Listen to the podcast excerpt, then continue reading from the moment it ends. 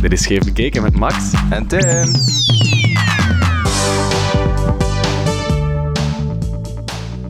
Tim, ik kan het bijna niet geloven. We zitten terug achter de microfoon. Eindelijk. Eindelijk. Het is bijna een half jaar geleden. Nee, het is gewoon een dik half jaar geleden dat we nog een aflevering gelost hebben.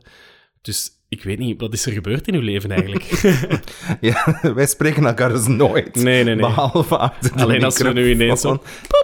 voor onze microfoon verschijnen. eh, door, ik weet niet, zo plots als Power Rangers die worden opgezoomd. Ze verschijnen we hier, ja. Welkom thuis. Ehm, wat heb ik gedaan in een half jaar? Met niks zeker? Wacht, kan ik hem moeten pijzen? ja.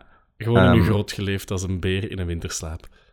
Ben ik niet naar New York geweest? In november? Ja, ik ben naar New York geweest. Ehm, ja, het is, het is echt een, het is een hele lange winter geweest voor mij. Oh, het was... Het was Lieve mensen, de beer lastig. komt uit zijn winterslaap. ja, ja, ik ben naar New York geweest, nieuwjaar gevierd, en dan is zo winter. En dan is er niks gebeurd. En ik ben zo blij dat de lente eindelijk eh, teruggekomen is. Ik voel mezelf zo'n beetje ontwaken. Het is, het is te veel. En jij? Ja, ja, ik zie, je bent een soort bloesem die mijn huis binnenwandelt. Eh, ja, bij mij ook alles goed. Het is inderdaad lang geleden. Ik, ik heb het gevoel dat ik een beetje zo'n lesbische U-Haul heb gedaan. Eh, een jaar geleden een lief opgescharreld. En ehm, dat is echt een van mijn meest schaamtelijke trekken. Dat ik wel zo iemand blijkbaar, en ik vind dat echt niet leuk van mezelf, dat ik toch iemand ben die dan een lief heeft en dan toch iets minder zijn vrienden ziet enzovoort. En eh, ja, een beetje die ja, ook te, te groot intrekt, maar dan, dan met een lief. Eh enfin, het Eeuw. valt nog mee, hoor. Het, ja, Zijn grot intrekt. zijn groot intrekt, inderdaad. Ehm, dus daarom dat ik het een beetje lachend eh, de, de lesbian U-Haul noem. dus eh, Hoeveel Niet katten al- intussen? ja, nog altijd maar één kat. Nog maar één en, kat, we wonen ook nog apart. Dus al bij al valt het nog mee. Nee, en de reden dat het ook wel zo lang duurt voor, voor aflevering te maken, alleszins van, van mijn kant, is, is dat ik het ook wel vrij druk heb gehad met mijn werk. Eh, sinds kort, eh, dan voltijds schrijf ik nu voor cultuur, voor de standaard. Nice. Eh, ja, dat is voor mij wel een beetje een persoonlijke droom die is uitgekomen. Dus hooray, monteer hier applaus. Ja, monteer applaus.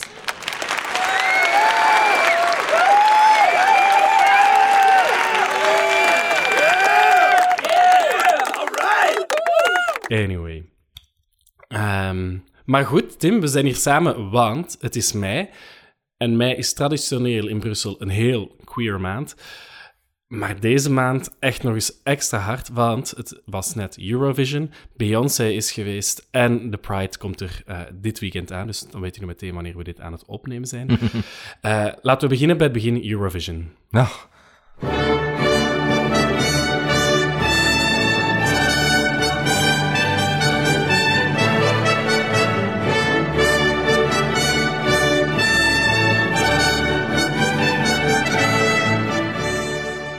ja, dat is het moment waarop dat ik eindelijk terug wakker werd. Mm, dan dan komen die like knopjes aan je takken en bloeien die bloesems open. Ach, ik vind het toch geweldig.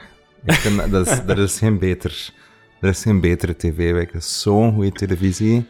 Ehm, dat trekt op niks en tegelijkertijd is dat geweldig. Ehm, eh, dat leeft bij zoveel van mijn vrienden. Je ziet dat voortdurend Ja, eh, op, op so- sociale media. Ja, inderdaad. Ik vind het is, het is magnifiek. Hoe dat, en ook zo gradaties van, van hoe serieus dat mensen dat nemen. Sommige mensen zijn dat heel serieus en andere mensen het niet, maar ze kijken toch. Mm. En als die twee werelden met elkaar samenkomen, is er zoiets eh, heerlijk camp dat er gebeurt. Ik vind dat zo goed. Ik ben wel ontgoocheld met de winnaar. Toch? Dat was wel verwacht. Staat hij in een kamp beetje- cha-cha-cha? Ja, ja, ja. Echt? Ja, ja, ja.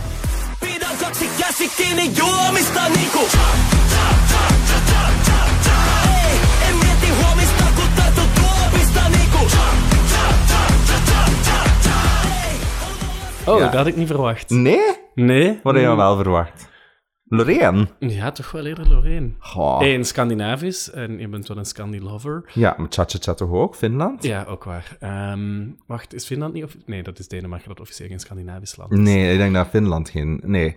Finland is Scandinavië, maar niet het noorden. Hmm. Of is het omgekeerd? Ik zou het moeten weten, hè, maar ik weet het niet meer. Enfin, in ieder geval... Ja, factcheck ons, stuur het in Cha-Cha-Cha. onze DM's.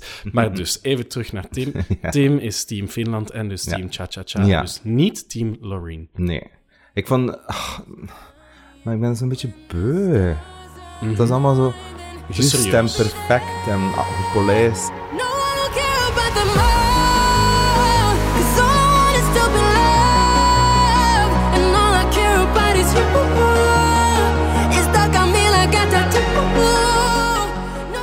Ja, dat is inderdaad een beetje de, de, ehm, de kentering van Loreen geweest destijds, om het allemaal terug wat meer serieus te nemen, de Eurovision. Terug een goed nummer, goede act. En Ja, maar het was ook niet, vond ik, zo goed dit jaar. Enfin, in ieder geval, het is Ja, het was wel een beetje een, een, een Euphoria Ja, zo de, de, de B-versie, de B-kant van Euphoria. Mm. Ja, Ehm, maar het is er gejeund en ben blij dat het in Zweden is volgend jaar, want het is 50 jaar na de winst van ABBA. Ze hebben gewoon in Qua 1974 en nu is het in 2024 in, in Zweden. De Zweedse shows zijn altijd supergoed. Dus dat gaat, allee, het gaat, het gaat terug bij de top worden, dus ik zie dat wel zitten. Hè. Ja, ik wil nog even toch weten, wat maakt de cha-cha-cha voor jou zo goed? Of de Omdat dat... Cha-cha-cha was alles dat Gustav niet was. Mhm. Oh, hot take, incoming. Ehm. Dat was pure camp. Mm. niet alleen de combinatie van die like, keiharde techno met dan die, die cha-cha-cha vibes, maar ook de kleuren van dat felgroen en dat roze en dan hardcore, maar dan tegelijkertijd zo Strictly Come Dancing ballroom en dan zo super nasty beats, maar dan die witte tand van die dansers. Dat was... Die boodschap zat like in zichzelf of zo. Ja, En ja, ook al dat verstond er- ik dat niet. Ik begreep totaal niet wat ze aan het zingen waren. Ehm, ik denk dat het iets was van, ik ben aan het drinken en dan ben ik aan het feesten en het is, het is oké nu. Diep. Of ja. zoiets. Super diep. En dan bij Gustav lag het alles zo, er vingerde kop. Het was alles zo uitgedokterd en zo... Hommage, ballroom culture. Ja, en dan zo be yourself. En je denkt, oké, 2006 provincie Pride, ça va, ik vind dat bijna tof dat dat allemaal doet. Maar dat is like... Dat was allemaal te letterlijk, vond ik. Ja, en bij. Cha-Cha-Cha zat er, dat, dat was met lagen en je kon dat... eh, ik weet niet, het was met een veel vettigere knipoog. En bij de Belgische inzending, die dan zogezegd mega queer was, zat er nul knipoog. Er was geen knipoog. De boodschap was gewoon, wees jezelf. Mhm. En ik geniet van die vettige knipogen. ja. Maar Gustav heeft wel zijn hoge uithaling. Ja, bij de tof voor hem, hè. Echt Dus- supergoed. En met al dat hard werken en al, ik vind dat tof. Ik, ik noem het uitstekend uitgevoerde middelmatig. Ja, dat heb ik gelezen, inderdaad. En Dodelijk, vind, dodelijke omschrijving. en ik vind dat dat heel accuraat is. Ik vind dat die mens heeft dat supergoed zijn best gedaan. En dat, was, ik ben, dat is altijd tof, hè, wanneer dat mensen het goed doen en dat ze Mhm. dan 12 punten krijgen en dat ze iets doen wat ze graag doen. Dat is plezant om te zien, hè. Maar je moet ook een kat een kat noemen en zat niet veel miauw in, vond ik deze keer. Ja, ja, oh ja, we zeiden dat voor Vlaanderen het toch een hele uitbundige act was. Al bij al Ja. vond ik dat toch nog meevallen. Het Ja. was niet dat er vuurwerk aan te pas kwam of eh, een enorme dansroutine zoals Israël of zo. Eh, Mm, nee. Ja, Israël vond ik ook wel opmerkelijk. Dat was zo... ehm, Vijf songs in één. Ja, bijvoorbeeld. Maar ook ken je zo de cheerleader movie, waar dat je dan zo een kwakkelend team volgt en dan gaan ze naar een of andere regionale championship en dan is plots de neighboring school daar en die hebben dan zo'n heel akelig soort militair team die alles eh, perfect uitvoeren.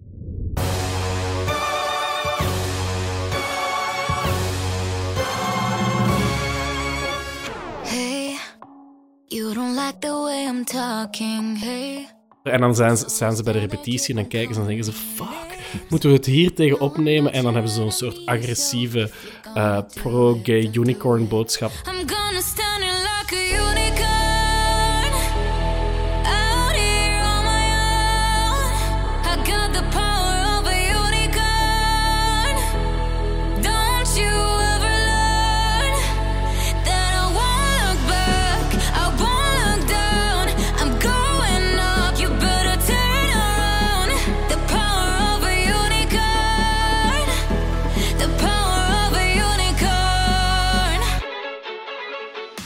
Dan is het een soort fascistoïde Israëlische lab, Ja. lab popster die het brengt. Ja, het was een beetje griezelig, hè. Het was Ja. zo griezelig perfect. Ja. Ja. Ja, ja, En dan zag je ook, dat was mij toch opgevallen, dat het dan ehm, de landen waar het echt heel goed scoorde, waren er dan zo toch die iets meer die macho-rechtse landen.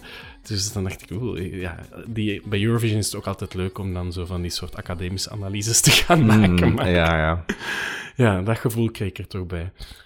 Over akelig perfect gesproken, misschien is dat segue Mm, Wow, ja. naar de dag erna. Want wie stond er naast quasi alle gays van Brussel en België en omstreken. En mij. In het Koning Boudewijn Stadion. Beyoncé. Beyoncé, jawel. Ik was erbij, jij was er een heel klein beetje bij. Ja, ik, ik, kon, ik, ik woon dus op zes, zeven kilometer zeker van Koning Boudewijn Stadion. Maar als de wind goed zit, kan ik de concerten horen.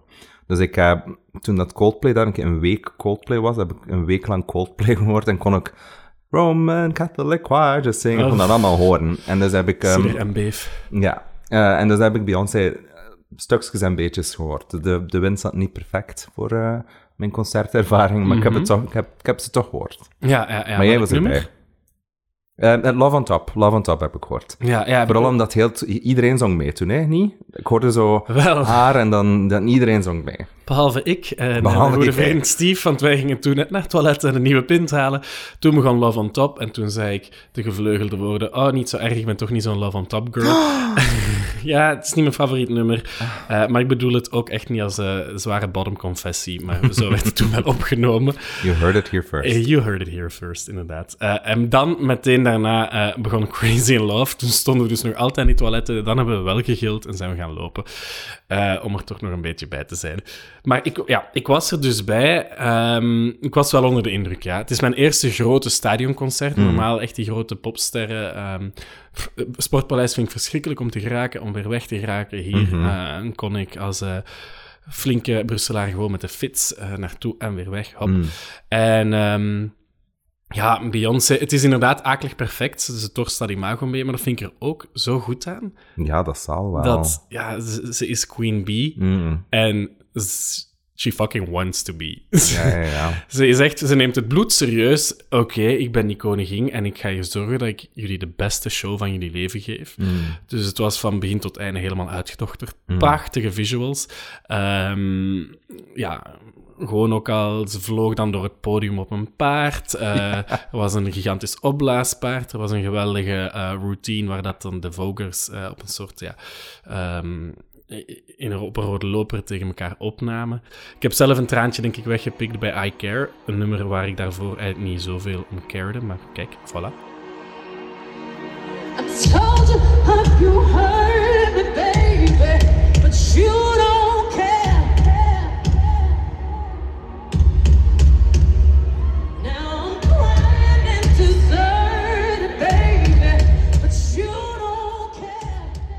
Care. Eh, gewoon omdat ze er stond en zo. Ze was zo magnificent. ja. Weet je, we noemen tegenwoordig zoveel eh, mensen iconen en mother. Maar Beyoncé kwam daar wel echt als een fucking mother. De manier waarop dat ze dan in die camera keken, met haar haren flapperde, dan weer woest aan het dansen was, dan weer haar armen uitspreidde. Dan, ja, gewoon die stem op, op een honingzachtige manier door, het, door zo'n stadion deed glijden. Ja, ik, eh, ik had er kippenvel bij. En over moeders gesproken, het was moederdag. En op een gegeven Juist, ja. ja, en op een gegeven moment, dit is echt mijn, mijn crazy Beyoncé story, ehm, voel ik zo iemand die achter mij ehm, passeert, eh, nu zo'n stomp in mijn rug. eh, ik denk, huh? En ik draai me om, zo'n kerel, en die pakt iemand mee aan de hand, een brede kast van een vent, die pakt iemand mee aan de hand, en is zo'n beetje een, een, een verwarde zwarte vrouw die er, sorry, een klein beetje uh, xenakst uitzag. Eh, die dus had van, oh, ik moet hier gewoon echt rap langs het publiek naar mijn plek. Mm. En ik kijk en ik denk... Deze vrouw lijkt nogal hard op Miss Tina. De, De moeder van Mother. Beyoncé. De moeder van Mother, inderdaad. Grandmother. Ehm, en niemand in het publiek, niemand rond me reageert echt. Dus ik denk, pff, zal wel niet. Die, die zit sowieso ergens backstage. Maar dan beginnen toch andere mensen ook te kijken. Er was er zo'n groep Vlaamse eh, vrouwen van in de dertig naast mij. Uiteraard. Ja, en waarvan er dan één zegt: Ja, dat was de mama, hè? Zie, dat was de mama? Ik, ik, ik kijk en ik zeg: Ja, ik denk, dat was, dat was toch Tina Knowles? Tja, dat was de mama? Hebben we even allemaal, eh, ja, gewoon dat moment samen beleefd. En ja, uiteraard hebben we daar niet meer gebabbeld of foto's genomen. Maar Miss Tina Knowles is toch eh, achter mij gepasseerd. Claim to fame. Claim to fame. Inderdaad. eh, en ik heb een kleine schouder in de rug gekregen van, van haar bodyguard. Nice. Hoe was het publiek eigenlijk?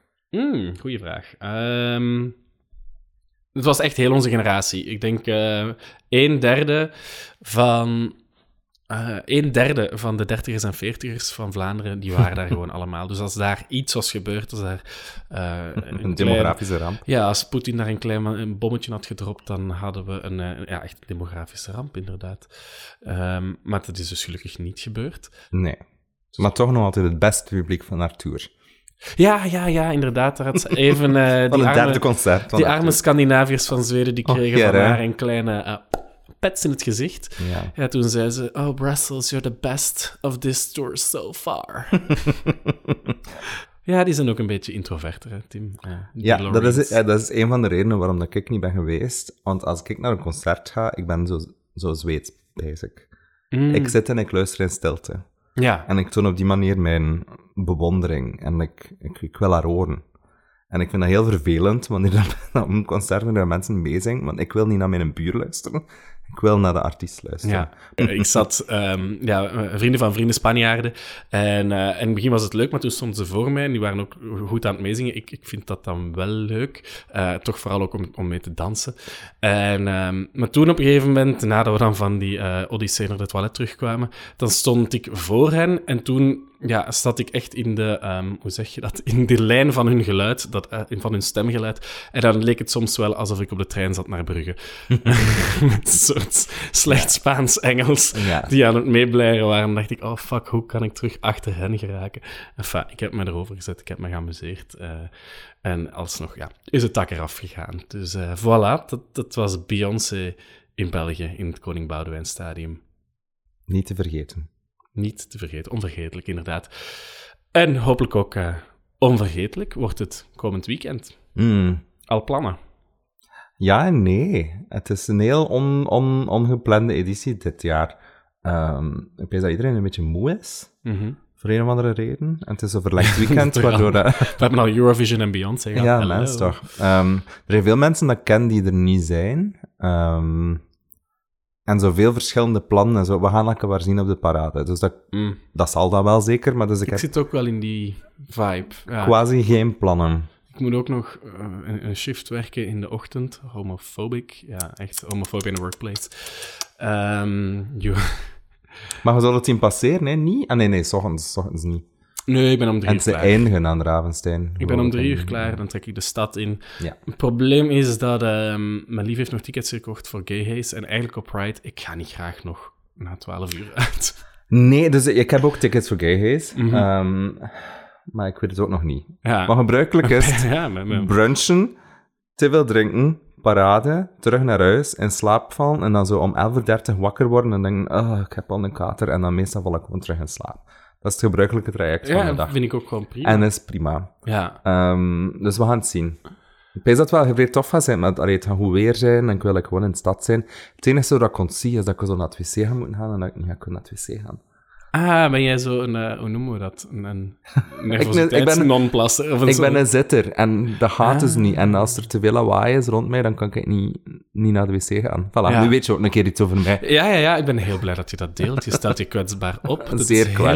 helemaal eh, eh, van, volgens Ja. de regels van vandaag, hoe dat je in de media moet zijn. Even iets, iets delen met ons, iets van jezelf. Hmm. Ja, oh, dankjewel, Tim. Met plezier. Ja. Nee, maar ik kijk er wel echt naar uit. Ook omdat het, het, ik vind dat het belangrijk is om in grote getalen te komen nu van het jaar. Mhm. Ehm, zeker na de acties van Dries Verlangenhoven en de, en de zijnen en wat er gebeurt in de VS, maar ook dus ook in de rest van Europa, in Groot-Brittannië, Frankrijk, overal, ook in Scandinavië. Wat er gebeurt in Oekraïne ook. Want ik vind dat dat een heel belangrijk ehm, moment is om te tonen dat er heel veel zijn van ons. Ja, Uh, en waarom dat dus ook belangrijk is om, om daar fysiek aanwezig te zijn, om, om deel te zijn van die, van die massa, omdat dat voor mij een, een van de grote ehm, sterktes is van de Pride, dat het zo zichtbaar is en dat de, letterlijk de publieke ruimte inpalmt, een publieke ruimte Mhm. die ons niet altijd even ehm, vrede, vredelievend ehm, allee, die niet altijd even positief tegenover, tegenover ons staat. En plotseling is er dan zodanig veel volk dat je niet anders kunt dan veilig zijn onder elkaar. En zo strength in numbers vind ik echt zeer belangrijk. En dus, dus kijk ik er echt naar uit om, om om mij te amuseren. Ja, ja, dat onder ons zijn, dat vind ik ook altijd het, het leukste aan de. Mm, Ja, ja. En, en, Mijn favorieten zijn zo de, de lesbiennes uit Charleroi, en dan komen die zo allemaal terug. Allee, ik, ik veronderstel dat ze uit Charleroi komen, geen idee. Ehm, maar, of zo, of Like bij de uitbreiding de, de, de provincie. ja, En ik vind dat zoiets schoons, ik vind dat zoiets moois.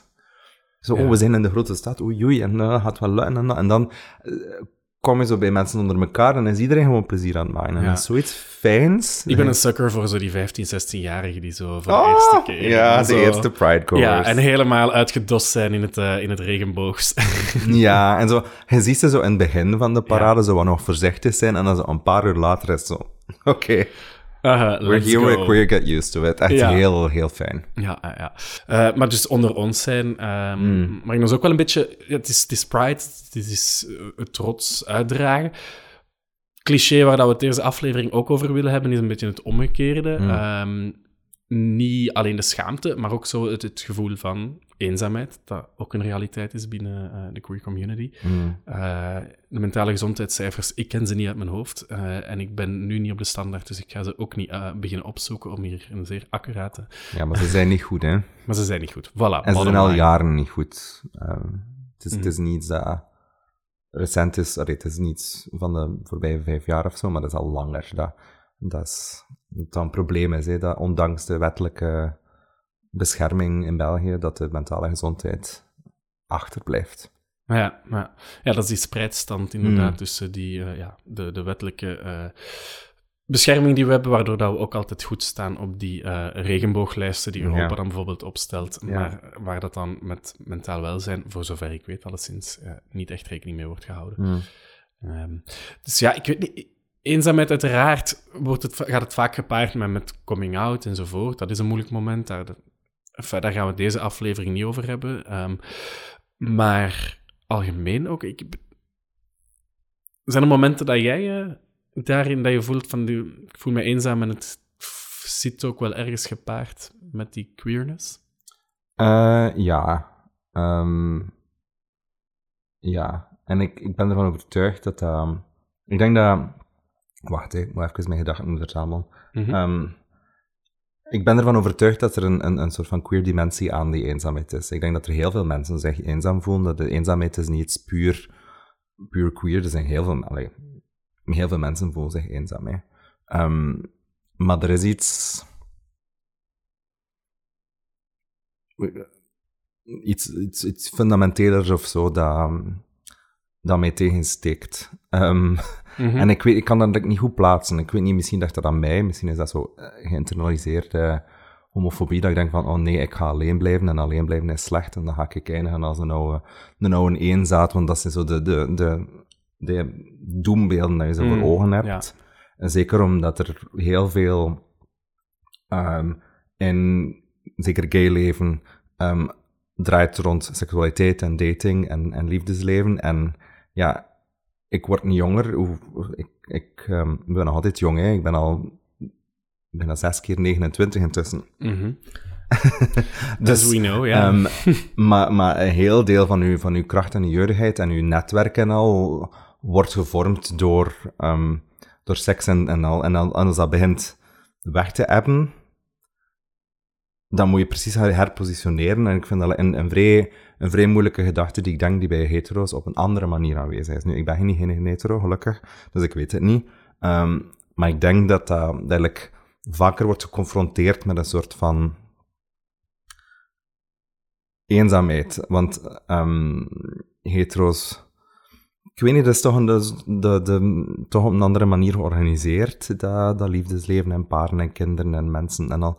Ehm, en- Ja, ik vind dat je dan, nu ik zelf de 30 gepasseerd ben, valt mij dat meer op. Omdat dan Mm. ja, die, die hetero-levens meer in die bepaalde plooi gaan liggen. Mm, Eh, mensen die inderdaad gaan trouwen, gaan kinderen krijgen.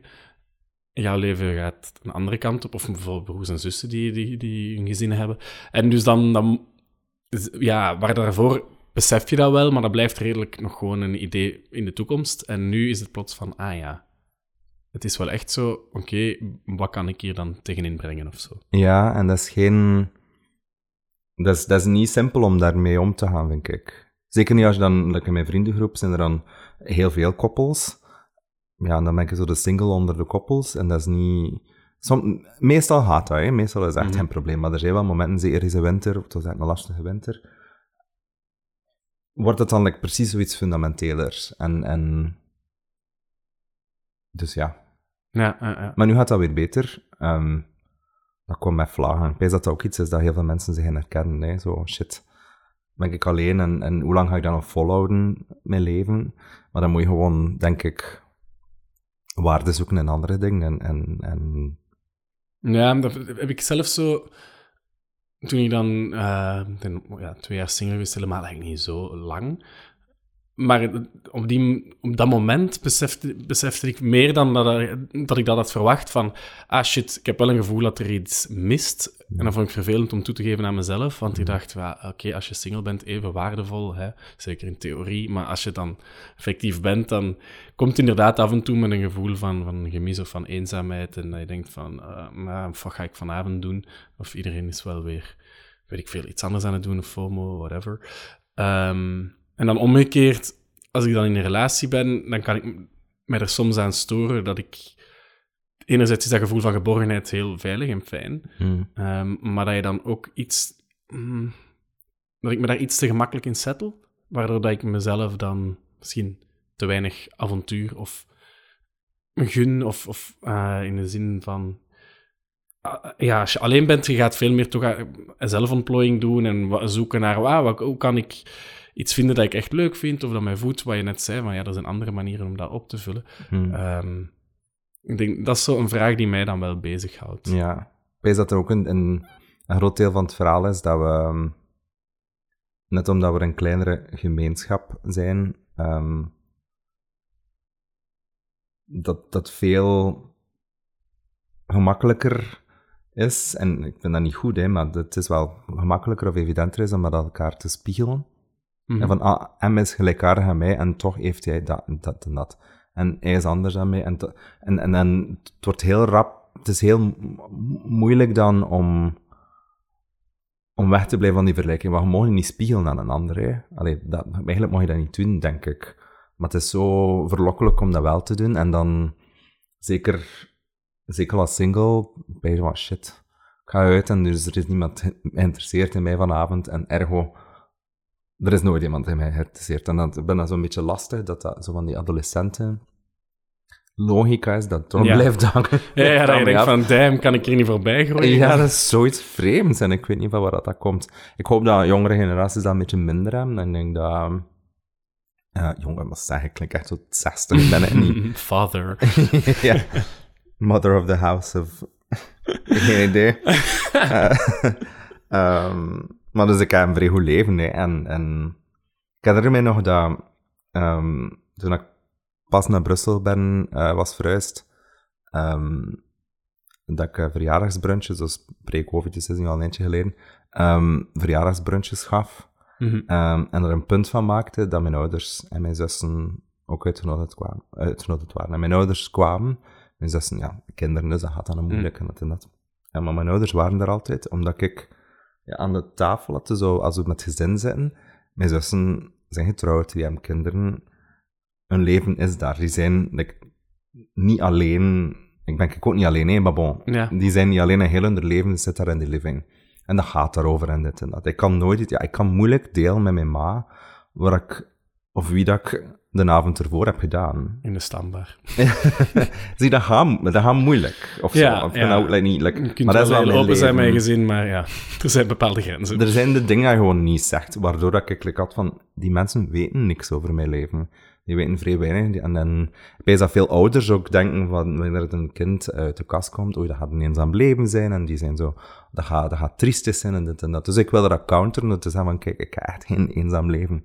En ik weet dat mijn ouders daar vrij veel deugd van hen had, dat ik hun betrok in mijn leven, en ik heb er ook veel, veel waarde aan gehad, omdat dat... Ja, omdat ik dat echt wilde, wilde counteren. Zo Ja, ja, ja. Ik, ik, wil, ik heb echt een leven. Maar het kan ook gevaarlijk zijn als je dat altijd wilt. ehm, als het een soort dwingende counter wordt, wat je dan... Ja. Enfin, ik, ben, ik ben geen psycholoog niet, Tim. Ik Nee, niet, nee. Maar ja, ik ben wel iemand die zo een punt wil maken, vaak. ja. Dat is een, een- een zeer vervelende eigenschap.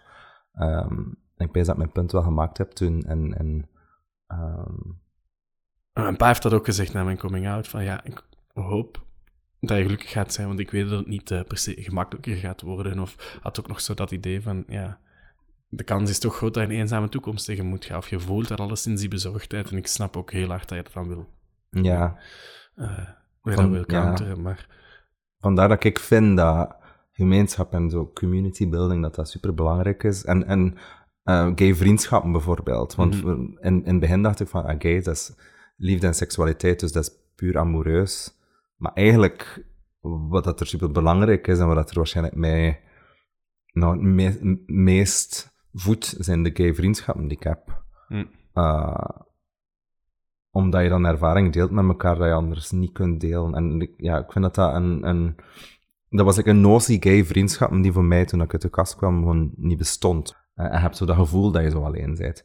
Ehm, en ik had vrij veel chance dat in het begin van mijn uniefjaren, dat ik dan eigenlijk direct een soort van gay vriendenkring heb, heb kunnen uitbouwen. En dat is echt mijn redding geweest. Dus ik hoop dat jongere generaties die veel fluider zijn, voor wie dat misschien gemakkelijker is al om, om op vroegere leeftijd platonische relaties op te bouwen, dat die eenzaamheidsmythe of, of, of vrees veel minder is. Ik hoop, Ja. ik hoop dat echt. Ehm, ja, nee, ik, ik, ik, dit thema dat, dat hield mij ook wel bezig. Ehm, en ik was benieuwd om daarover te spreken met Fleur Piret, een eh, schrijfster.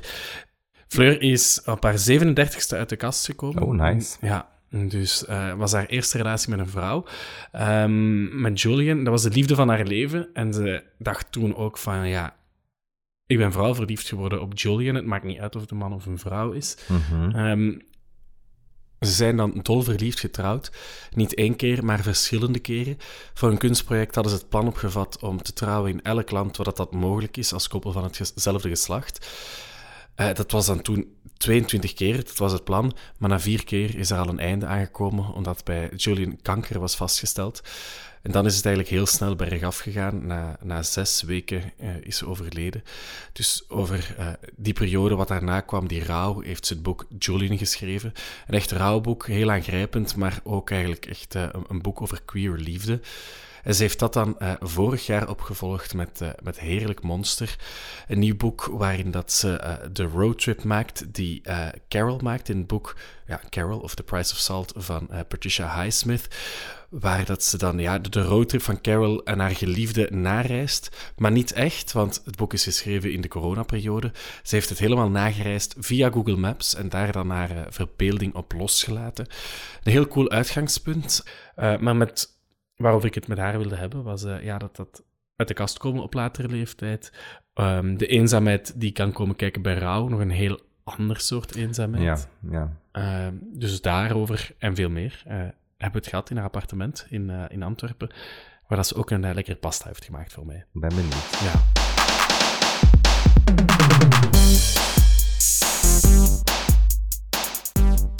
Even een kleine waarschuwing vooraf. In het gesprek dat we hebben komt zelfdoding ter sprake.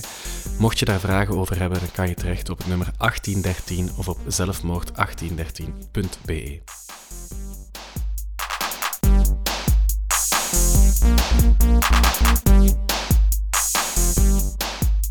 Eh, queer eenzaamheid, daar wil ik het met jou over hebben. Ehm, in een interview met de Standaard zei je dat je in een soort gekozen eenzaamheid leeft. Wat bedoel je daar precies mee? Ik denk dat dat iets is goh, wat, wat eigenlijk heel veel eh, schrijvers doen. Hè. Je, moet u, je moet u echt afzonderen om, om een boek te kunnen schrijven. En dan zit je zo twee jaar in een in pyjama achter een schrijfmachine te typen. Maar ik merk wel, ik heb zo twee persoonlijkheden. Eh, de ene persoonlijkheid is, is extreem outgoing. Uh, dus ik leef mijn leven dan echt zo to the fullest. En langs de andere kant leef ik het leven dan eigenlijk compleet niet. En door mijn personages of de boeken die ik lees. En dan sluit ik mij op in mijn huis. Tot dan inderdaad die eenzaamheid uh, afkomt. En, en ik op Instagram iedereen feestjes zie houden. En ik dan denk, oh, en ik ben helemaal niet op die feestjes. Er is heel veel zelfmedelijden. Terwijl ik dan eigenlijk ook niet echt op die feestjes wil zijn, want ik ben dan gewoon goed aan het schrijven. Dus het is een beetje dubbel. Dus die, um, ja, die, die eenzaamheid, zijpelt die ook door naar jouw boeken? Want dat wordt wel geschreven, bijvoorbeeld over Heerlijk Monster, dat er ook wel een soort een, een eenzame onderstroom in zit. Ja, um, ik, vraag, ik heb mij onlangs afgevraagd of ik dat altijd al gehad heb. Of ik altijd al eh, zo dat eenzaam gevoel heb gehad. eh, of dat dat eigenlijk pas komt sinds dat Julian is gestorven, vijf jaar geleden. Ehm, ja, ik, ik, heb natuurlijk, ik mis haar heel hard. Hè. Ook al is dat, ja, dat is nu vijf jaar, maar dat is nog elke dag dat ik die heel hard mis. En ehm, andere mensen vullen dat niet echt in. Dus ik ben niet noodzakelijk alleen, maar ik ben alleen zonder haar. En, en ook, ehm, ja, andere mensen kunnen dat ook niet invullen natuurlijk. Hè. Dat is als je specifiek één iemand mist, dan mag je daar nog tien mensen bij zetten, maar dan gaat dat natuurlijk niet opgevuld worden.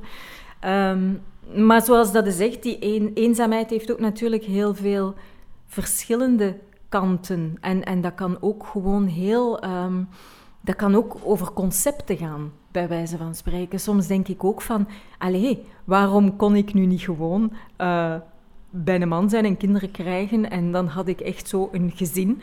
Want als kind heb ik eigenlijk altijd heel hard gedroomd van zo een groot huis met een roedel kinderen die dan aan tafel zat spaghetti te eten. Waarschijnlijk had ik dat in een of andere film gezien en was dat soort... ehm, of zo het idee van een grote familie, eh, allemaal rond de kerstboom. En wat natuurlijk het Amerikaanse beeld is, dat, dat in, in film en televisie op u wordt eh, ja, opgedrongen eigenlijk. En, en in, in realiteit is dat een soort vesten. Hè? Maar ehm, het ding is wel, ik kan dat soms echt missen. Dan, ik denk soms van, goh, dat zou echt zo... Ja, dan zijn echt zo... Ja, ik weet het niet. Eh, ja, ik weet niet hoe dat ik dat moet. Weet jij het? Ja, ik denk het, wat je omschrijft, het afscheid nemen van een soort ideaalbeeld van een kerngezin, dat dat wel een, een, een, een deel is van die queer eenzaamheid. Of misschien een sleutel om te begrijpen waar misschien een eenzaamheid die gepaard gaat met het, met het queer leven, waar dat, dat kan zitten. Ja, maar het is toch best wel bijzonder om, om u te bedenken dat, dat je eenzaam wordt doordat je afscheid moet nemen van iets dat eigenlijk gewoon een constructie is. Maar wel een constructie die ons heel erg wordt voorgehouden. Ja, gigantisch. Gigantisch. Je moet dat ook... Ja, dat is ook iets dat je moet afleren. Hè? Dat wordt, op school wordt dat erin gepompt. En zoals ik zei, op televisie, in films. Eh, dat is zo het ideaalbeeld dat er eigenlijk is. Ook waar iedereen zo min of meer naartoe streeft. Ehm, ja, als je queer bent, moet je dat leven heruitvinden of zo. Hè? Je wordt uit bepaalde tradities geduwd, zoals in sommige landen nog altijd het huwelijk of, of kinderen krijgen of weet ik veel. Ehm, en je moet, je moet eigenlijk een pad voor jezelf eh, uitstippelen. En enerzijds, nu ben ik wel op het punt dat ik dat heel liberating vind. Dat ik echt denk van, amai, wat een chance. Ik, niemand verwacht eigenlijk iets van mij. Want het zou kunnen dat mensen verwachten van ja, hè, die moet trouwen, kinderen krijgen, een huis kopen, hè, wat, wat de normale structuur, de gezinsstructuur, hoe die gaat. Hoe de, hoe de tijd loopt, hè, eigenlijk heteronormativiteit loopt. Maar queer tijd is, is volledig iets anders. Hè. Iemand kan op zijn 60 uit de kast komen en, en puber zijn op zijn 65 daardoor. Of iemand kan eh, besluiten om, om gewoon op, op zijn 40, 45 nog kinderen te adopteren met zijn man en maar eerst zeven jaar op een wachtlijst moeten gaan staan. Dus het heeft natuurlijk ook iets te maken met, met ehm, afscheid nemen van een soort lineair denken of zo. Dat, dat de tijd lineair loopt. Ja, misschien is dat het.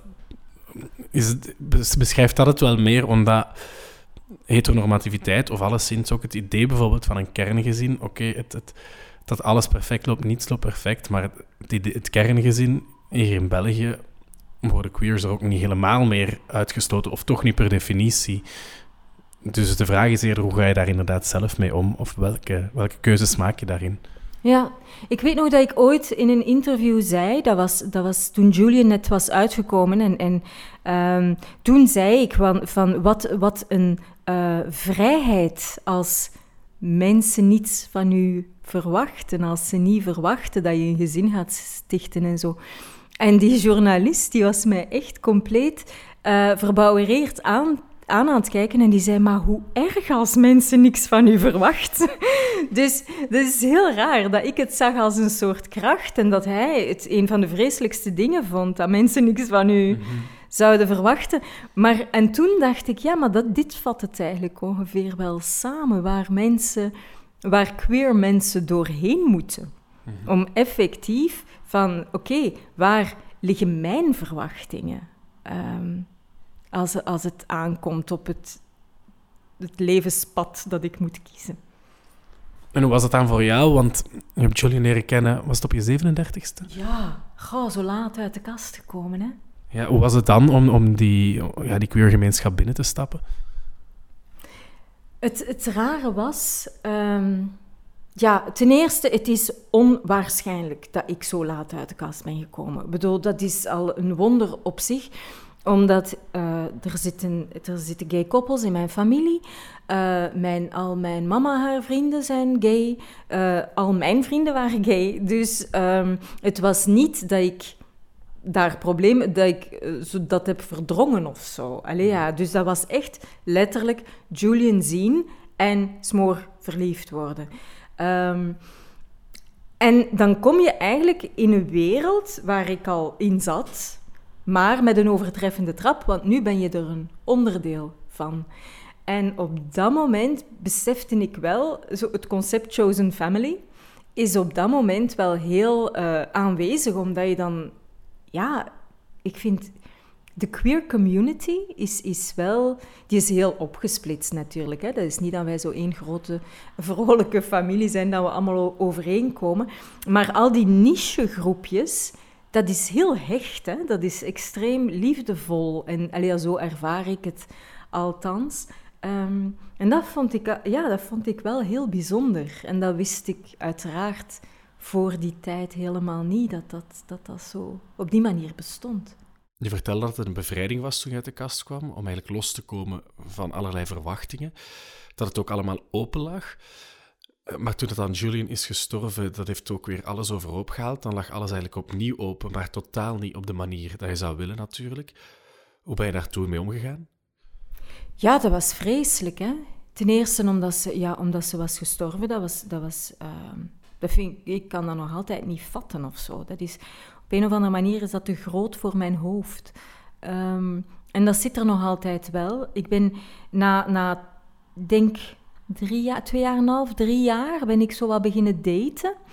En dat was echt omdat ik, ja, ik had mensen nodig die dicht waren. Allee, ja, omdat ik was echt zo helemaal aan het eh, internaliseren. Goh, ik weet niet hoe dat ik dat eigenlijk... In jezelf aan het keren. Ja, ja, dat was, ik was zo... Ja, ik was helemaal aan het, aan het imploderen of zo. Ik was de hele tijd aan het, aan het lezen en, en ik was wel bij mensen, maar ik was er niet echt. En dat, is ook, ook, dat is rouw natuurlijk. Hè. Ehm, en dan na een tijd, eh, toen ik dan het boek uitbracht, kreeg ik dan van mensen de vraag van... Ben jij, nog, ben jij nog altijd lesbisch? En ik vond dat nu zo'n rare vraag, maar toen dacht ik van... Ha, maar eigenlijk is dat niet zo'n raar vraag, want... Allee, ja, bedoel, ik ben altijd met mannen geweest. En dan ben ik, heb ik haar leren kennen en dan was ik smoor verliefd. En dan was ik eigenlijk zeven jaar met haar. En zij was ook de enige vrouw met wie ik ooit seks had gehad. Dus ik wist op dat moment eigenlijk letterlijk ook niet van val ik nog steeds op vrouwen of viel ik enkel op haar. En dan, ehm, ja, dan, dan ben ik zo wat halfslachtig gaan daten. Dat ging mij niet echt goed af. Maar het was ook al wel, na, na een paar weken was het ook echt wel duidelijk van... Ja, ja, ik ben echt wel gay. dat is... Ik ben ook niet bi of weet ik veel. Ik ben echt 100% lesbisch. Dus ehm, ja, maar het voelde heel raar dat ik dat ook voor mijzelf moest uitzoeken. Want ja, als, als je maar met één vrouw seks hebt gehad... En al voor de rest altijd met mannen, ja, dan weet je natuurlijk niet tot wie dat, dat je aangetrokken voelt. En ik had het even legitiem gevonden, mocht ik terug... Allee, ja, mocht ik hetero zijn of mocht ik biseksueel... Dat was allemaal voor mij wel oké, maar ik vroeg het mij wel af, van op wie, op, wat, ja, op wie val ik, hè? Dat is ook misschien weer deel van die er zijn geen verwachtingen van mij. Ik, ik moet het zelf uitzoeken. Ja, ik mocht dat op dat moment zelf uitzoeken, maar het was natuurlijk wel, het kwam wel vanuit een eenzaamheid. Het kwam wel vanuit een, een eh, gevoel van leegte, waar dat ik dan ook heel snel door had van, ehm, ik moet mijn verwachtingen wel bijstellen, want niemand gaat die leegte opvullen. Dat is echt een leegte die haar vorm heeft, eh, bij wijze van spreken. En iets van een andere... Ja, iemand anders gaat nooit in die vorm kunnen passen. En het is eigenlijk sinds een jaar dat ik wel heb beseft van... Maar dat is ook oké. Als, als je nu kijkt... Mijn lief is een, ja, dat is een professionele snowboarder. Ehm, die is twintig jaar jonger dan ik. Wij hebben, ja, we hebben wel dezelfde basiswaarden, maar wij hebben heel weinig met elkaar gemeen. We hebben niks van dezelfde hobby's bijna, behalve naar galerijen gaan. En dat was met Julian was dat natuurlijk compleet iets anders. Wij werkten samen, wij, wij maakten dingen samen. Wij waren echt 24 op 7 aan het werk eh, voor zeven jaar lang. En ja, ik heb dat echt moeten loslaten. Want ik wou dat natuurlijk terug, hè. Dus ik dacht ook, de enige manier waarop dat ik weer een beetje fatsoenlijk ga functioneren, ehm, is, is met iemand die ook zo is. Maar dat ja, in tegendeel, want dan maakt het nog erger natuurlijk. Dan maakt dat gemis nog erger, want het zal nooit Julian zijn. Het is gewoon iemand anders. En dat is heel belangrijk. Allee. En ik heb dat nu met mijn lief ook. Ik, ik vergelijk haar langs geen kanten. Eh, zij is gewoon een persoon die op zich staat. En, en dat is, eh, ja... En hoe heb je die klik kunnen maken? Eh, door, doordat ik het ehm, niet eerlijk vond ten opzichte van die andere persoon. Ehm, ik, ik had voor mijzelf ook uitgemaakt, van, ik, ik hoefde ook niemand te leren kennen. Allee, ja, ik dacht, als ik nu bij wijze van spreken gewoon wat one-night stands heb, of af en toe wat friends with benefits, en voor de rest blijf ik mijn leven helemaal alleen was dat voor mij ook oké. Ehm, dat was, het is niet dat dat een schrikbeeld voor mij is of zo, om de rest van mijn leven alleen te blijven. Maar ehm, ik dacht van, als ik, als ik er maar als ik er wel voor ga, dan moet ik het wel op een oké manier doen. En moet ik niet, dan is zij geen tweede keus. Dan moet ik ook wel zorgen dat zij op dit moment is zij eerste keus. Dus het was eigenlijk een soort gevoel van... Ja, dit is niet netjes ten opzichte van iemand anders, om die te vergelijken gewoon. Ja, ja. ja het, het, wat zeg je dan? Ja, care die je in een relatie hebt, het zorgen voor. Het, Ja, en ook gewoon zorgen dat iemand zich veilig bij u voelt. Allee, ja, ik zou dat verschrikkelijk vinden mocht iemand zich niet veilig bij mij voelen of zo. maar je ook zei, ik, ik, ik was er oké mee om alleen te blijven. Dat is iets waar veel jongeren, twintigers, dertigers, eh, die gay, die queer of trans zijn, toch schrik voor hebben van, ja, ga ik alleen eindigen? Dat, dat blijft ergens zo'n soort doembeeld, merk ik wel in gesprekken met vrienden. Hoe, hoe doe je dat om daarmee vereenzelvigd te zijn, om daar ook bijvoorbeeld geen schrik meer van te, te hebben? Ik denk, ehm, en, en dat is, ik hoop dat ik dit niet jinx, hè, want, want dan, dat ik niks, ik ben heel bijgelovig, hè, dat ik niks over mijzelf afroep. Ehm, ik zal hout afslaan. Maar eh, ik, ik heb het gevoel van, het is het, een van de ergste dingen die mij konden overkomen, zijn mij overkomen. En dan denk ik, ja, bring it on, hè. Allee, ja, bedoel, erger dan dit, en daarom moet ik even hout afslaan. Soms denk ik erger dan wat er is gebeurd, kan het niet worden. Uiteraard kan het dat wel worden. Hè? Allee, ja, ik kan onder een auto lopen en mijn twee benen kwijt zijn. Maar ehm, dat was zo gigantisch erg dat ik wel achteraf. Ik heb heel lang met zelfmoord rondgelo- zelfmoordgedachten rondgelopen, hè, voor twee jaar lang. Nou, daar schrijf je ook over. Daar schrijf ik ook over.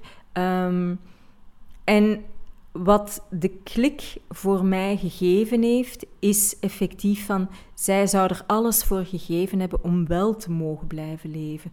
Wie ben ik om dan de keuze te maken om niet te blijven leven? Hoe erg is dat eigenlijk, terwijl ik wel de kans krijg. Dus het was eigenlijk uit een soort van mededogen of zo, dat ik dacht, ja, dan blijf ik maar leven. En dan was er op, en dat heeft wel een soort klik gegeven, dat ik dacht, ja, maar als ik blijf leven, als ik daarvoor kies, ja, dan moet ik het ook wel goed doen. Hè? En dat is met een soort fearlessness gekomen, een soort van ehm, zekerheid van mijzelf, in mijzelf, dat ik gewoon verschrikkelijk veel aan kan. En als ik ooit alleen eindig, ook dat ga ik aankunnen. Want ik heb het aangekund dat, mijn, dat de liefde van mijn leven op zes weken volledig uh, wegkwijnde en doodging. Dus als ik dat aankon, dan kan ik alles aan. Ja, ik denk, wij zijn meer resilient dan wij onszelf uh, credits voor geven of zo. Um, mensen kunnen veel. Allee, ja, wij kunnen veel. En het is niet omdat je het kunt dat je het moet willen. Hè? Allee, ja, sowieso niet. Hè?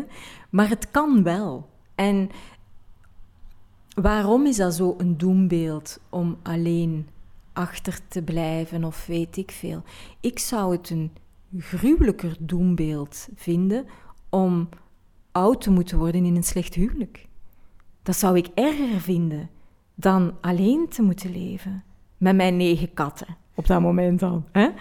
Ehm, snap je? Dus wat is dat met dat alleen zijn? Want, want stel je nu eens voor dat je echt in een rothuwelijk zit en dat je elkaar de hele tijd een duvel aan het aandoen bent. Is dat niet erger om zo te eindigen?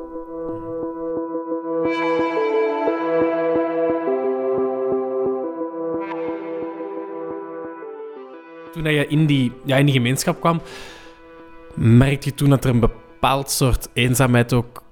Dat, ik zal het anders zeggen, was eenzaamheid een probleem binnen de queer community? Heel hard. Ja, heel hard. Dat was vooral... Um, ja, Julian woonde in Amsterdam.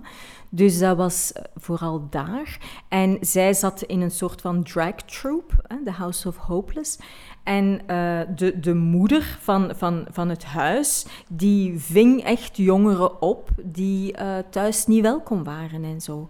En daar waren heel veel, daar waren heel veel drag queens en kings bij, die... Um, ja, waar dat, dat de club en, en bij Jennifer Hopeless dan thuis, dat dat echt de safe space was die ze nodig hadden en dat ze die echt nergens anders vonden. Dus dat was echt een, een soort van ja, reddingslijn toch wel. Mhm. Ja. Ja, zelfs dus ja, in Amsterdam. Ja, zelfs in Amsterdam. En, en ja, nu nog, allee, want ik heb nog altijd contact met hen uh, om het half jaar. en, um, maar ik merk nu nog altijd dat daar echt heel veel jongeren zijn die gewoon uh, thuis ook niet kunnen praten en die uh, thuis in een hele onaccepterende um, situatie zitten. Tegelijk hoor ik ook soms. Um, ik kende toevallig een kennis iemand met wie ik aan, uh, op tafel waren aan het praten. En hij vertelde, hij was ook iets later in zijn leven uit de kast gekomen, rond zijn 28ste. Daarvoor eigenlijk altijd seks met vrouwen gehad. Hij is ook biseksueel. En, hij vertelde van ja, toen ik dan seks met mannen begon te krijgen, dan merkte ik ook dat daar zo'n soort angst voor intimiteit was. Als ik na de seks bijvoorbeeld wilde knuffelen, dan verschoten veel jongens daarvan ik vraag me af of dat dan ook iets is van een gevolg van die, die eenzaamheid die er misschien kan hangen.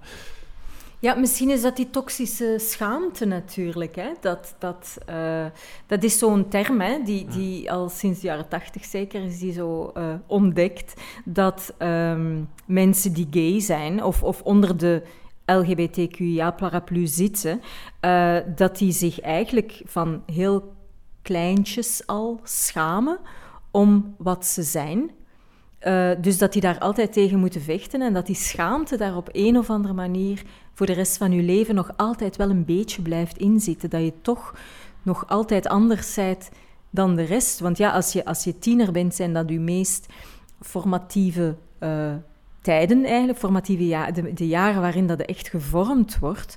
En als je je dan uh, ja, dan wilt je er eigenlijk gewoon bij horen. Hè? Dat is eigenlijk het enige dat je wilt. Dus als je dan anders bent en je gaat je daarvoor schamen, ja, dan is het eigenlijk ook logisch dat je zoiets voor de rest van je leven meeneemt. En tegelijk kan je dan ook heel ver gaan in het er tegen afzetten tegen die norm. Eh, in je boek Heerlijk Monster schrijf je ook, in het begin ben ik... En het, is, het boek is een deel is autofictie, een deel is verzonnen, maar het is wel, het personage heeft heel veel gelijkenissen met jou. Eh, maar je schrijft op een gegeven moment, in het begin ging daar nogal heel fel in, en ineens liep ik helemaal rond vol met pins van regenboogkleuren enzovoort. Ehm, ja, dat, dat, dat kan dan ook dat je dan eigenlijk wilt, wilt heel erg passen in, een, in, een, in het niet-normatief, in het queer. Dus- Ja, dat was wel. Maar dat was ook omdat, ja, ik zat bij een. Ik, ik was super verliefd en ik zat in een ehm, omgeving die heel fijn was, die heel outgoing was, heel extravagant was en al die dingen. Dus als ik op een Pride kwam, dan wou ik echt ook dat mensen wisten dat ik gay was. Maar ja, ik lees natuurlijk als heteroseksueel. Als ik op straat loop, zien mensen een heteroseksuele vrouw lopen. Eh, niemand ziet aan mij dat ik gay ben. Allee, ja, niet dat dat... dat en ik wou dat dan per se duidelijk maken of zo. Ik had zo echt een hele grote noodzaak om te zeggen... Ja, maar ik, ik zie er zo uit, maar ik ben het niet, hè. Ik ben echt wel... En ik herinner mij nog, op een gegeven moment kwam ik een bar binnen... En dan zeiden ze van... eh, ja, deze bar is niet voor jou. En ik zei van... Ja, maar ik ben, ik ben lesbisch. En dan zeiden ze... Ja, ja, dat zal wel. En ik moest echt buiten. En dat, dat heeft wel... Ja, dat vond ik best wel heftig. Dat ik zoiets had van... Ja, sorry, hè, maar het is niet omdat je het niet ziet.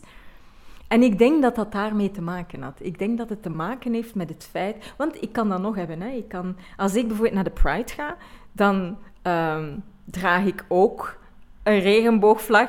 Ja, zo een regenboogpin en al die dingen. Om op een of andere manier... Vind ik het dan wel belangrijk dat...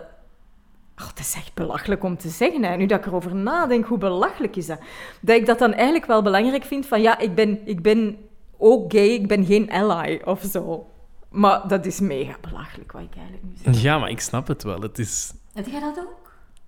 Ehm, ja, ik heb... eh, eh, ehm, bijvoorbeeld... Ik heb ook nu twee oorbellen, al sinds eh, een jaar of langer. Dat heeft er ook wel mee gespeeld van... Ja, ik wil ergens iets ingrijpen in mijn uiterlijk dat er toch ergens iets meer edge in zit en dus ook iets meer queerness uitstraalt. En ik heb toen ook me erover moeten zetten over die gedachte van... Doe niet belachelijk. Ja, maar het is wel zot, hè? Allee, ja, bedoel... En ook, wat een luxe is dat ook weer, hè? Bedoel, mensen in de jaren... eh, ja, bedoel, jarenlang, hè? eh, mocht dat niet geweten zijn en hebben ze dat moeten verstoppen en dit en dat. En wij willen net tonen dat we gay zijn en, en zeker niet heteroseksueel. Eh, ja, wat een luxe is dat eigenlijk, hè, dat we dat mogen. Dat we die kans hebben om dat te tonen, dat we daarover, het daar ook over kunnen hebben. Dat we willen dat mensen aan ons zien dat we gay zijn.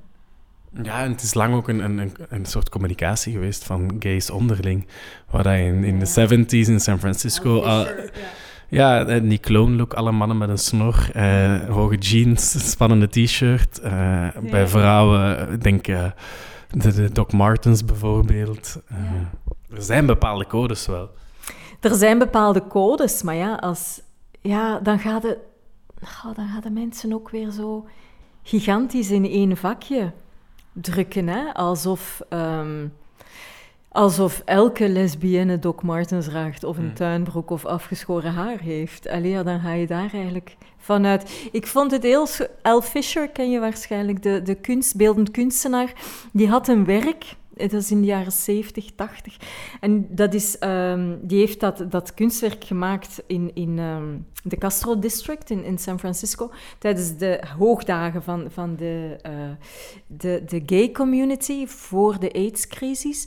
En dat waren foto's waar hij dan dingen opschreef en dat heette Gay Semiotics. En dat was als iemand een bandana in zijn linkerbroekzak droeg, was hij onderdanig, was het in de rechterbroekzak, was hij dominant. En dan, dus die maakte zo met pijltjes van wat, en ook oorbellen en, en lycra shorts en al, want ja, de jaren 70, 80. Dus iedereen zag eruit als een pornoster. Ehm, dus, en ook als, als mensen zo een, een Marcelleke aan hadden en al die dingen. Dus dat was eigenlijk, dat vond ik echt wel heel tof. En dat vond ik eigenlijk zo mooi, dat kunstwerk, omdat het mensen uit de hokjes haalt. Dus een, een gay man in een leren pak kan die bandana in zijn zak hebben, maar ook een man in een jeansbroek met een hemd kan die bandana in zijn zak hebben. Dus dan gaat het niet noodzakelijk uit van een lesbienne ziet er zo uit en een homo ziet er zo uit, maar dan gaat er vanuit van dan hebben ze kleine facetjes op hun, waardoor dat je het weer ziet of zo. Dus dat vind ik, wel, vind ik dan eigenlijk veel interessanter dan... eh, ja, van hoe, hoe ziet een lesbienne eruit en hoe kan ik er zo uitzien? Want ik denk dat ik er, ja, zo, ik denk dat ik er nooit echt zo ga uitzien. Je leest heel veel, je vindt heel veel inspiratie in kunst ook. Is dat ook een manier om, om die queerness vorm te geven, om daar ook een soort gezelschap in te vinden? Want we hebben over queer eenzaamheid, maar je kunt even goed hebben over queer gezelschap. Ja, het is, het is een, een, een richtlijn ook. Hè? Ehm, ja, ik denk van zodra dat je buiten die norm valt, heb je gewoon een handleiding nodig. En boeken en kunst zijn voor mij althans een, een gigantische handleiding over hoe ik mijn leven moet leiden. En ik vind het ook gewoon heel interessant om te zien en om te weten van, kijk, dat zijn de mensen die ervoor hebben gezorgd ehm, dat ik nu mag gaan stemmen, dat ik nu eh, een rekeningnummer mag hebben als vrouw, want het is ook nog niet zo lang. Eh, dit zijn de mensen die ervoor hebben gezorgd, waardoor ik nu met mijn lief hand in hand mag lopen. En ik ben heel, heel dankbaar ook voor al die mensen die dat in de geschiedenis voor mij gedaan hebben, waardoor ik op een of andere manier een soort van verantwoordelijkheid voel om hetzelfde te doen voor de mensen die na mij komen. En ook dat is weer zorg, gezelschap. Eh, eigenlijk valt dat allemaal zo'n beetje samen ook. Van wat kun je voor elkaar doen? Welke veilige plek kun je voor elkaar creëren? Zowel op relationeel vlak met uw partner, maar ook op een, een maatschappelijk vlak.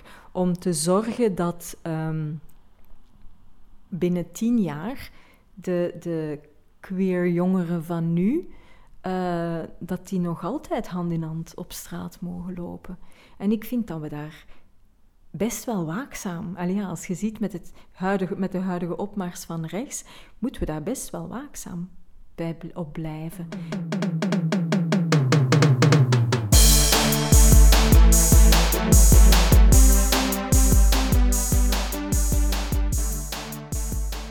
En een nieuwe aflevering van Scheef Bekeken zou natuurlijk niet compleet zijn zonder een rondje Scheef Bekeken, waarin dat we dus iets bekijken dat niet queer is, maar het wel kan zijn. En deze aflevering, Tim, ben je helemaal naar hier gehost. Je bent echt eh, een, een... Schuim en zweet toegekomen. Ja, inderdaad. Je pakt niet de fiets, Nee. je pakt ook niet de tram als je naar hier komt. Nee. Jij wandelt en dat is volgens jou queer. Ja. Meer bepaald snel wandelen. En dan heb ik niet over de sport, ook al is die, dat loopje van... Ik weet niet of je ooit al snelwandelwedstrijd hebt gezien, maar die, die wandelen net heel grappig. Ja, Enfin, maar het is dus niet dat ik bedoel, maar wel het wandeltempo van queers. oké. Of gays in, in het specifiek. Eh, want die ligt namelijk tienduizend keer hoger dan de gemiddelde hetero.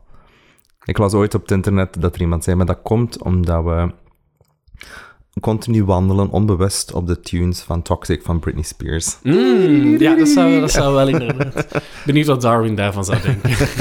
En daardoor lopen we dus veel sneller. Het is altijd twee of drie minuten sneller dan dat Google Maps ons, ons aangeeft. Ja, ja, ja, dat is waar, dat is waar. Eh, er is ook zo een bepaalde manier van, van gaywalken. Hè? Zo die, Het moet vooruit gaan, jongens. die, die kop zo naar voren en dan zo...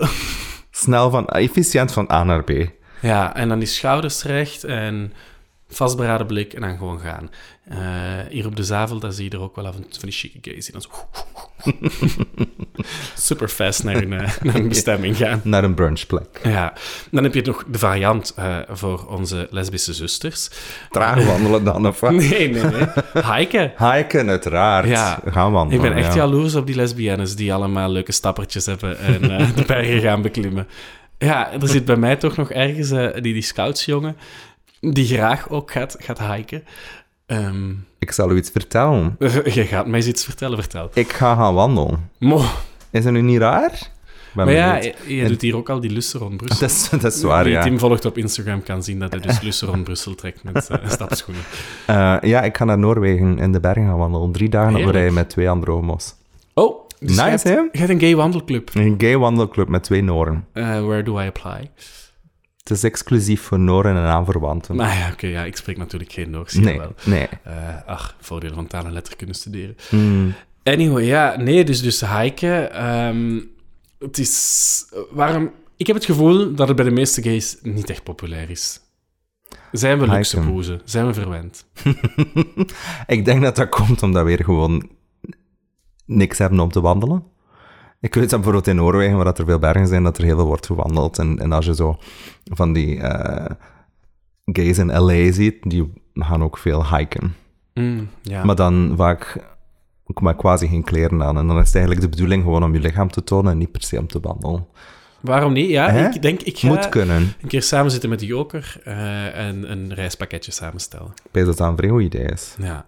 Joker, eh, bel me, laat me mee te sturen op Twitter, Demomax, of op Instagram. En we gaan een keer kijken wat we kunnen doen voor de community, want het moet toch niet altijd een gay cruise zijn van La Démence. Dat is juist. Voilà. My god, bespaar mij. Bedankt voor het luisteren. Scheef bekeken, dat is een productie van Tim de Vrieze en Max de Moor. De montage gebeurt door mij, Max. En we willen graag nog Fleur Pirets bedanken voor het openhartige gesprek. Check zeker haar boeken Julian en Heerlijk Monster. Tot de volgende keer.